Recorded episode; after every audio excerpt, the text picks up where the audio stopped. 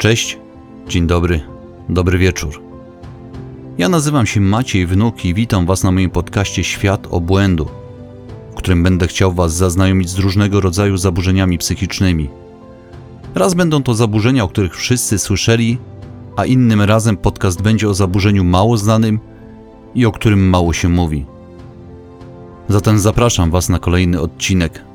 Dzisiaj trochę bajkowo, będzie o Alicji z Krainie Czarów.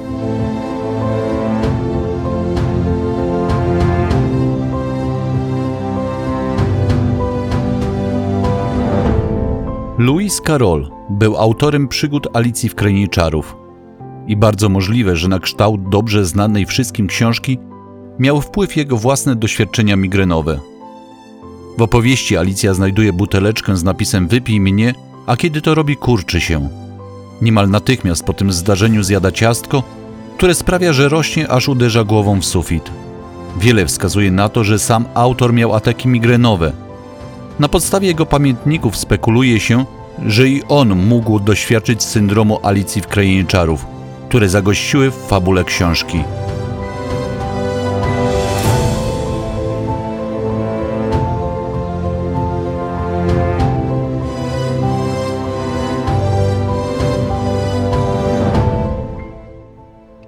Zespół Alicji w Krainie Czarów to schorzenie związane z mózgiem, które zaburza sposób postrzegania własnego ciała, otaczającego świata lub obu naraz.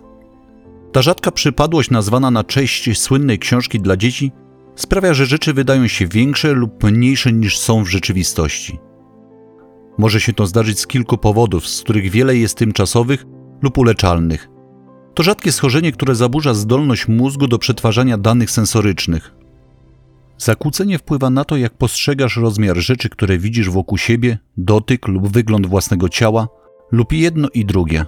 Może również zniekształcić Twoje poczucie rzeczywistości.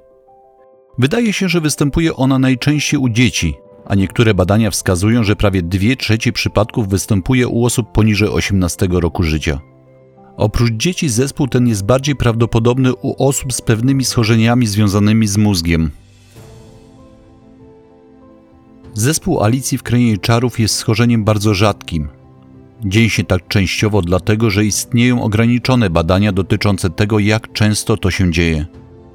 Niektóre dostępne badania wskazują, że nawet 30% nastolatków doświadcza krótkich epizodów, ale konieczne są dalsze badania, aby ustalić, czy tak jest i dlaczego tak się dzieje.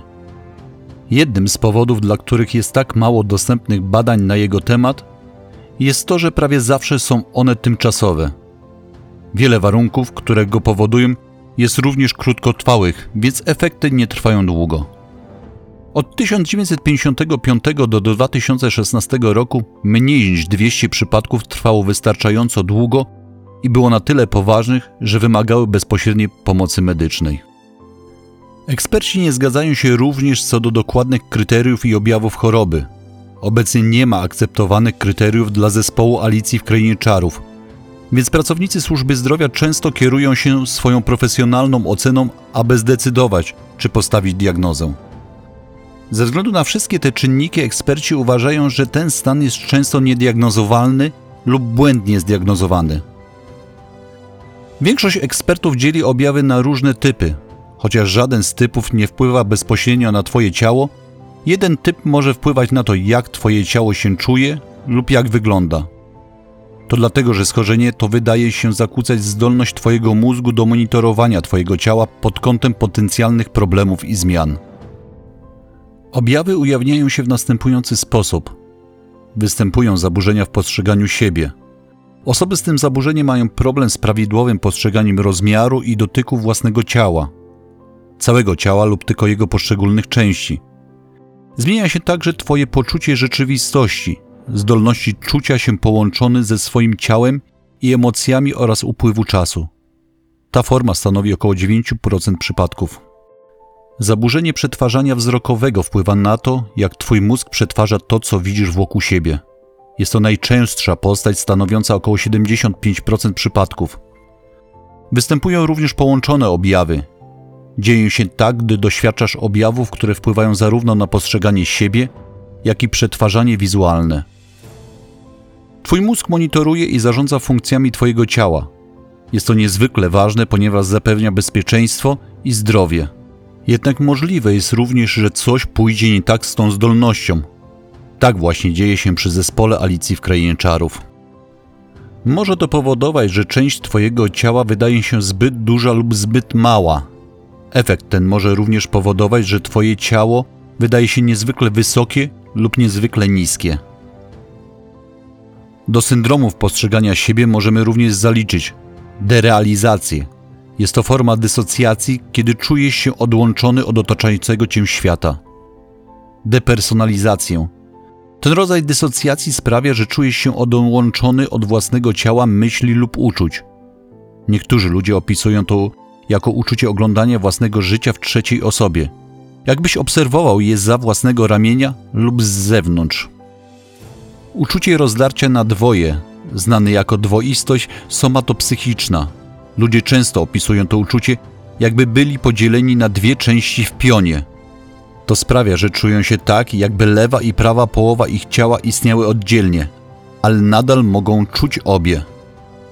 Zakłócenie w poczuciu czasu zmienia to Twoją zdolność oceny upływu czasu.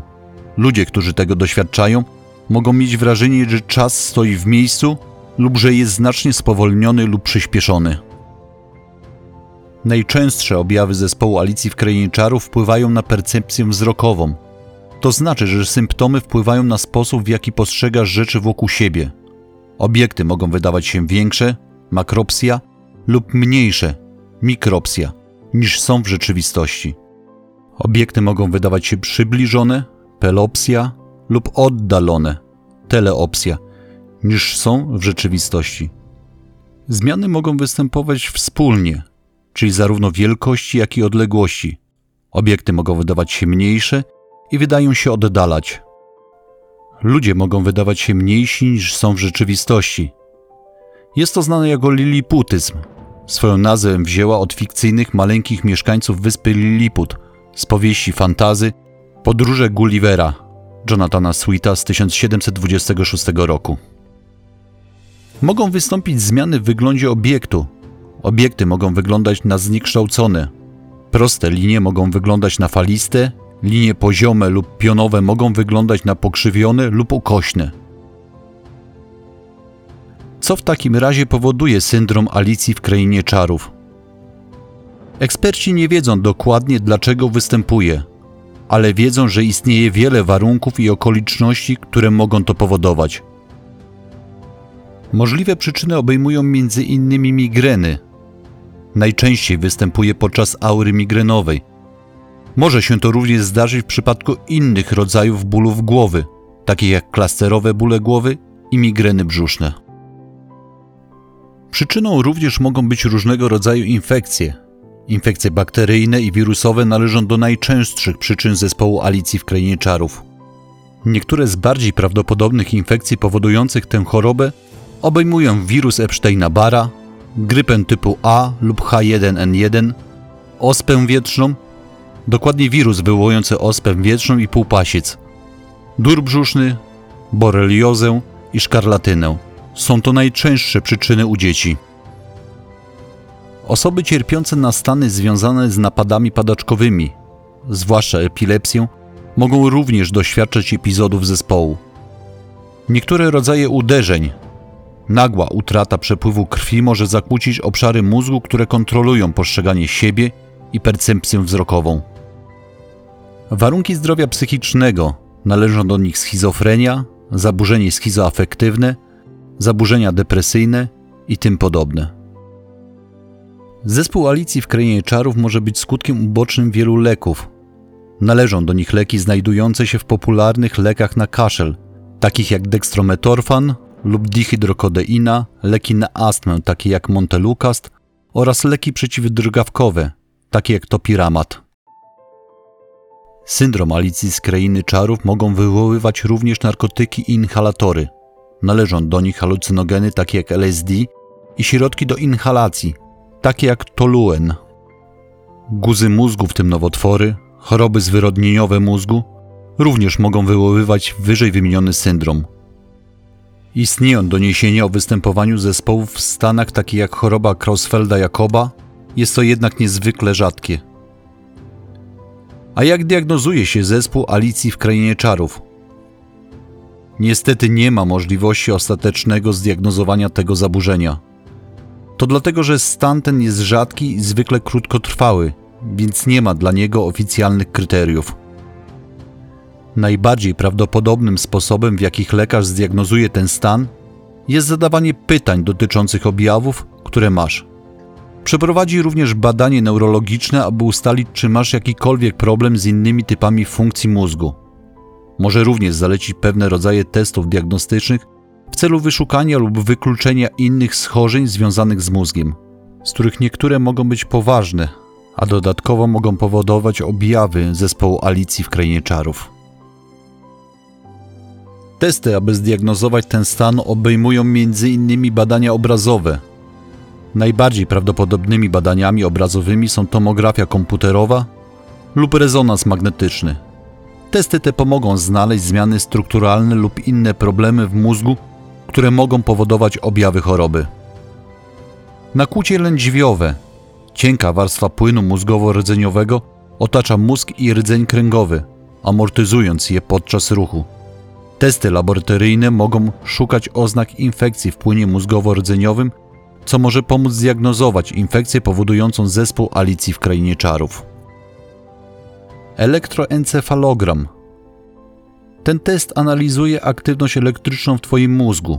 Jest to kluczowy test do diagnozowania stanów związanych z mózgiem, takich jak napady padaczkowe i epilepsja. Wizualne potencjały wywołane ten test analizuje Twoje oczy i sygnały, które wysyłają do Twojego mózgu. Zapewnia prawidłowe działanie oczu i nerwów wzrokowych, które łączą oczy z mózgiem. Najczęstszym sposobem leczenia zespołu Alicji w Krainie Czarów jest leczenie jego przyczyny. Z tego powodu istnieje ogromna liczba zabiegów, które pomogą pomóc w chorobie. Twój lekarz jest najlepszą osobą, która może zlecić leczenie, które może pomóc. Może dostosować leczenie do konkretnego stanu, potrzeb i okoliczności. Może również doradzić Ci, jakie mogą wystąpić skutki uboczne lub powikłania oraz co możesz zrobić, aby je ograniczyć lub im zapobiec.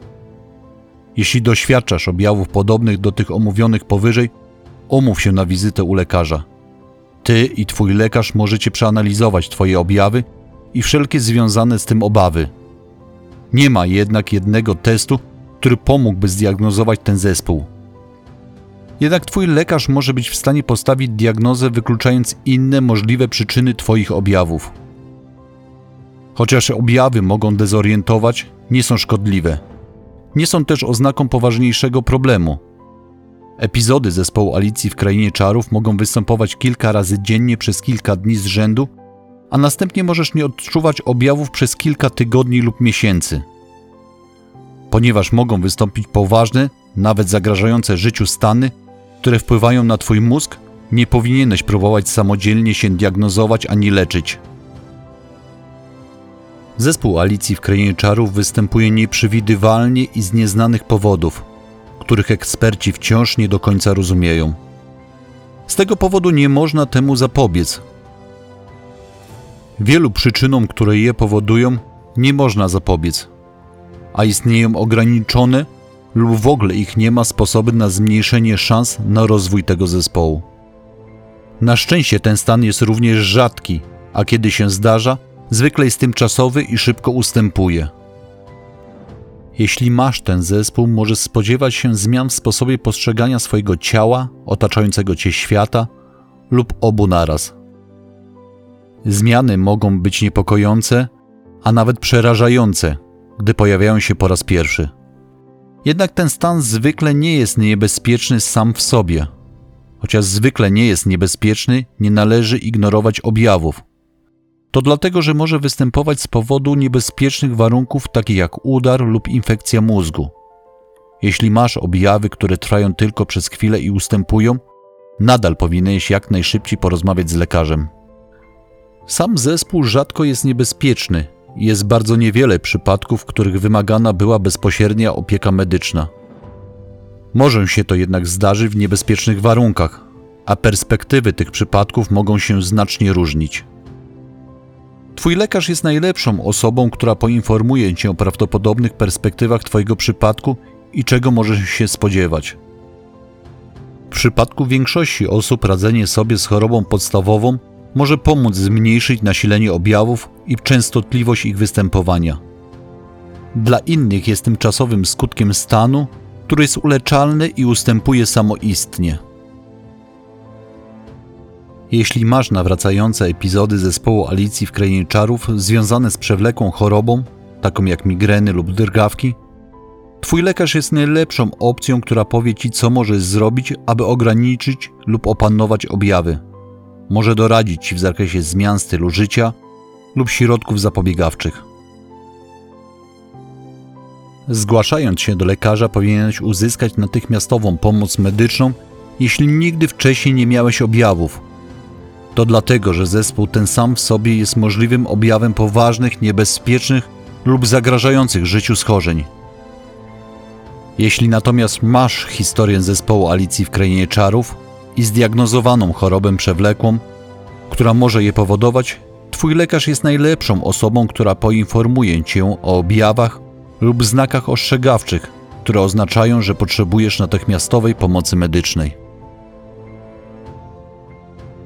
Jak słyszeliście, nie tylko bajka, ale również poważne zaburzenie może nosić nazwę Alicja w Krainie Czarów. Dziękuję za wysłuchanie kolejnego odcinka.